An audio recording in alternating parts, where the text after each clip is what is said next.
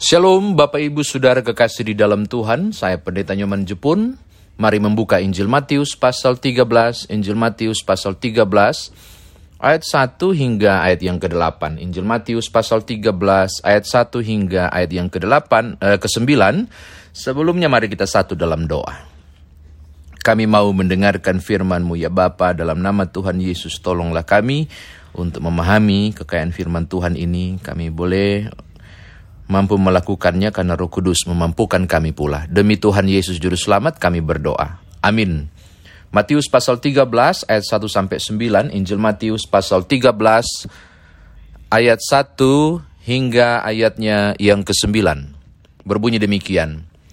Pada hari itu keluarlah Yesus dari rumah itu dan duduk di tepi danau.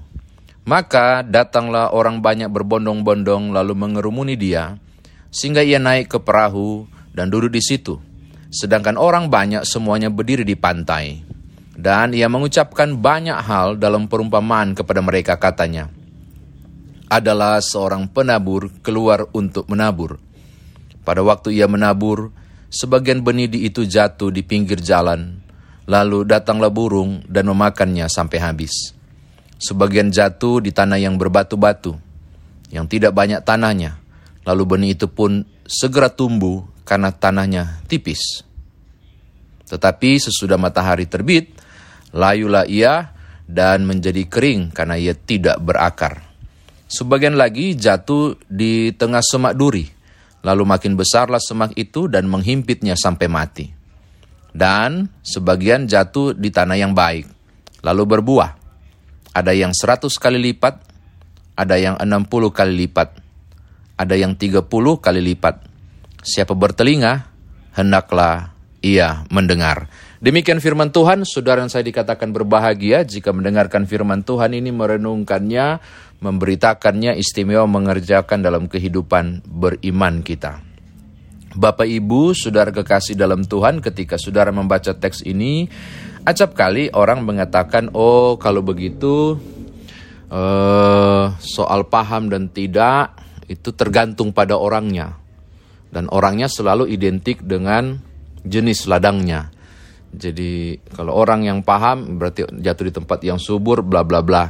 Jadi seakan orang menjadi objek tempat benih ditabur dan jika dia tidak bertumbuh dan berbuah, oranglah yang bermasalah. Hari ini saya mau ajak saudara untuk melihat perspektif yang lain. Ada empat lokasi benih firman ditaburkan. Yang pertama tolong lihat di pinggir jalan. Di pinggir jalan, masalahnya datang. Ketika ditabur di pinggir jalan, burung memakannya sampai habis. Ini hal yang biasa. Silakan saudara menabur atau melempar butiran-butiran e, beras di pinggir jalan. Misalnya tah, pasti akan langsung ditangkap oleh burung yang membutuhkan atau binatang yang membutuhkannya. Apa maksud redaksi ini? Semua penjelasan dari ayat 4 hingga ayat yang ke-9 ada di ayat 19 sampai yang ke-23. Mari kita periksa Bapak Ibu. Apa makna yang ditabur di pinggir jalan? Lihat ayat 19. Kepada setiap orang yang mendengar firman tentang kerajaan sorga, tetapi tidak mengerti, datanglah si jahat dan merampas yang ditaburkan dalam hati orang itu. Itulah benih yang ditaburkan di pinggir jalan. Yang ditaburkan di pinggir jalan berarti ketika firman ditaburkan, dia tidak paham ketika dia tidak paham, ya dia tidak kerjakan, dia tidak hayati, dia tidak maknai, jangan berharap dia mau kerjakan. Lalu kemudian firman itu hilang dari pikirannya, firman itu hilang di hatinya. Kenapa hilang dari hatinya? Kenapa hilang dari di, dari pikirannya ya? Karena dia nggak paham. Diistilahkan kemudian diambil oleh iblis. Tidak membekas sama sekali. Pertanyaan penting kan kenapa dia tidak paham? Ada dua faktor Bapak Ibu. Firman itu nggak dipahami. Faktor yang pertama adalah faktor orang itu sendiri. Barangkali tidak fokus, barangkali uh, benar-benar tidak mengerti apa yang diucapkan, barangkali dia sendiri tidak sedang dalam posisi ingin mendengarkan firman dan lain sebagainya. Itu banyak pengaruh. Tapi faktor yang kedua jangan lupa juga, faktor si pemberita, faktor orang yang menyampaikan. Bisa saja yang menyampaikannya juga memiliki kekurangan, sehingga ketika dia menyampaikan sesuatu orang lain tidak paham. Coba saudara lihat perspektif ini juga. Maka apa kata kunci yang utama? Doa. Bagi seorang yang mendengar firman, dia butuh kekuatan hikmat dari Tuhan untuk paham. Berdoalah, minta hikmat untuk memahami. Fokuslah pada firman itu supaya engkau memahami. Jangan sampai benih firman itu diambil oleh si jahat. Artinya tidak membekas dalam diri saudara, tidak me, ter, tersimpan erat di, di hati saudara dan pikiran saudara. Hilang begitu saja, menguap begitu saja. Dalam bahasa Tuhan Yesus diambil oleh iblis. Saudara butuh hikmat Tuhan ketika mendengar firman Tuhan. Jangan sambil melakukan sesuatu. Saudara membutuhkan fokus diri selain hikmat Tuhan. Faktor kedua saya bilang si, pen, si pemberita. Pemberita pun perlu dilengkapi. Perlengkapannya sama yaitu hikmat Tuhan. Maka solusinya adalah doakanlah si pemberita firman itu penting Bapak Ibu. Uh, daripada mengumpat di tengah kegelapan, kenapa tidak menyalakan lilin? Ini juga penting. Saya tidak paham pendeta itu, saya tidak paham si pewarta itu. Saya tidak mengerti. Doakan si pewarta itu.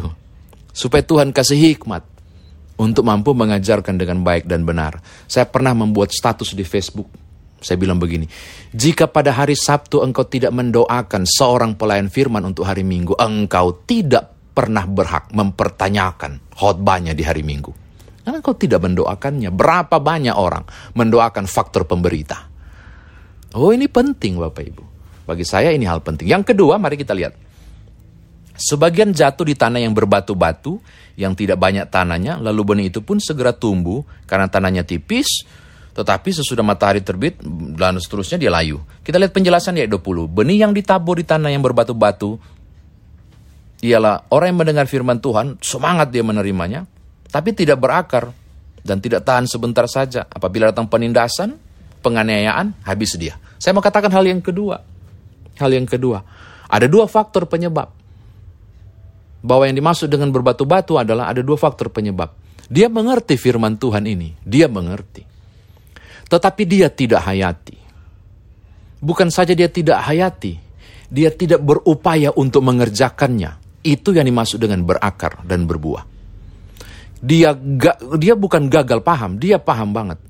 Tetapi dia tidak hayati, dia tidak maknai, dan dia tidak segera kerjakan. Dia tidak berakar di firman itu.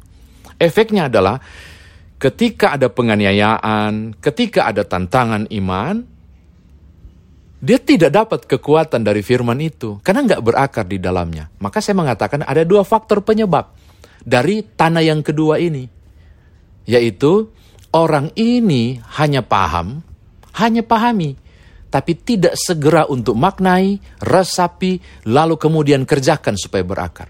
Faktor kedua adalah penganiayaan, tantangan dari luar ketika pribadi sendiri tidak berakar dalam firman, tidak akan kuat menghadapi tantangan dan tidak heran murtad.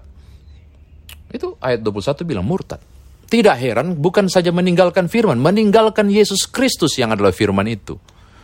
Jadi dua faktor penyebab di posisi kedua, yaitu dia tidak kerjakan sehingga tidak berakar. Yang kedua, ada tantangan besar dari luar. Penganiayaan kata Tuhan Yesus, eh, penindasan misalnya, menggerogoti, dan menantang imannya. Tidak berakar, dia goyah. Dan dia tinggalkan Tuhan. Dia murtad loh, murtad loh ayat 20, 21 katakan. Yang ketiga, mari kita lihat. Semak duri. Sebagian lagi jatuh di tengah semak duri. Lalu makin besarlah semak itu dan menghimpitnya sampai mati. Ternyata maknanya luar biasa ayat 22. Yang ditabur di tengah temak, semak duri ialah orang yang mendengar firman Tuhan Lalu kekhawatiran dunia ini dan tipu daya kekayaan menghimpit firman itu sehingga tidak berbuah. Yang kedua, oh dia paham firman Tuhan ini. Dia paham, dia mengerti. Bisa saja dia melakukan firman Tuhan ini. Bisa. Berakar dalam, iya dia berakar dalamnya. Tetapi ini dia, ini dia luar biasa. Pencobaannya terlalu besar. Tantangan sangat kuat. Alkitab berkata makin besar semaknya Berarti semakin bertubi-tubi tantangan hidup, kekhawatiran, tipu daya yang luar biasa menggoda. Dia ngerti firman, dia ngerti. Dia ngerti itu bersinar, berdosa, dia mengerti. Dia pahami, mengerti. Tapi bujuk rayu luar biasa kuat banget. Kuat banget. Sehingga kemudian dia mulai memberi suasana samar-samar. Samar-samar. ini benar nggak hitam, ini benar nggak putih. Karena godaannya begitu kuat. Ah boleh aja kali. Begitu, wow begitu rayuannya begitu luar biasa. Dia jatuh di situ. Saya mau katakan apa? Godaan yang di luar sana besar.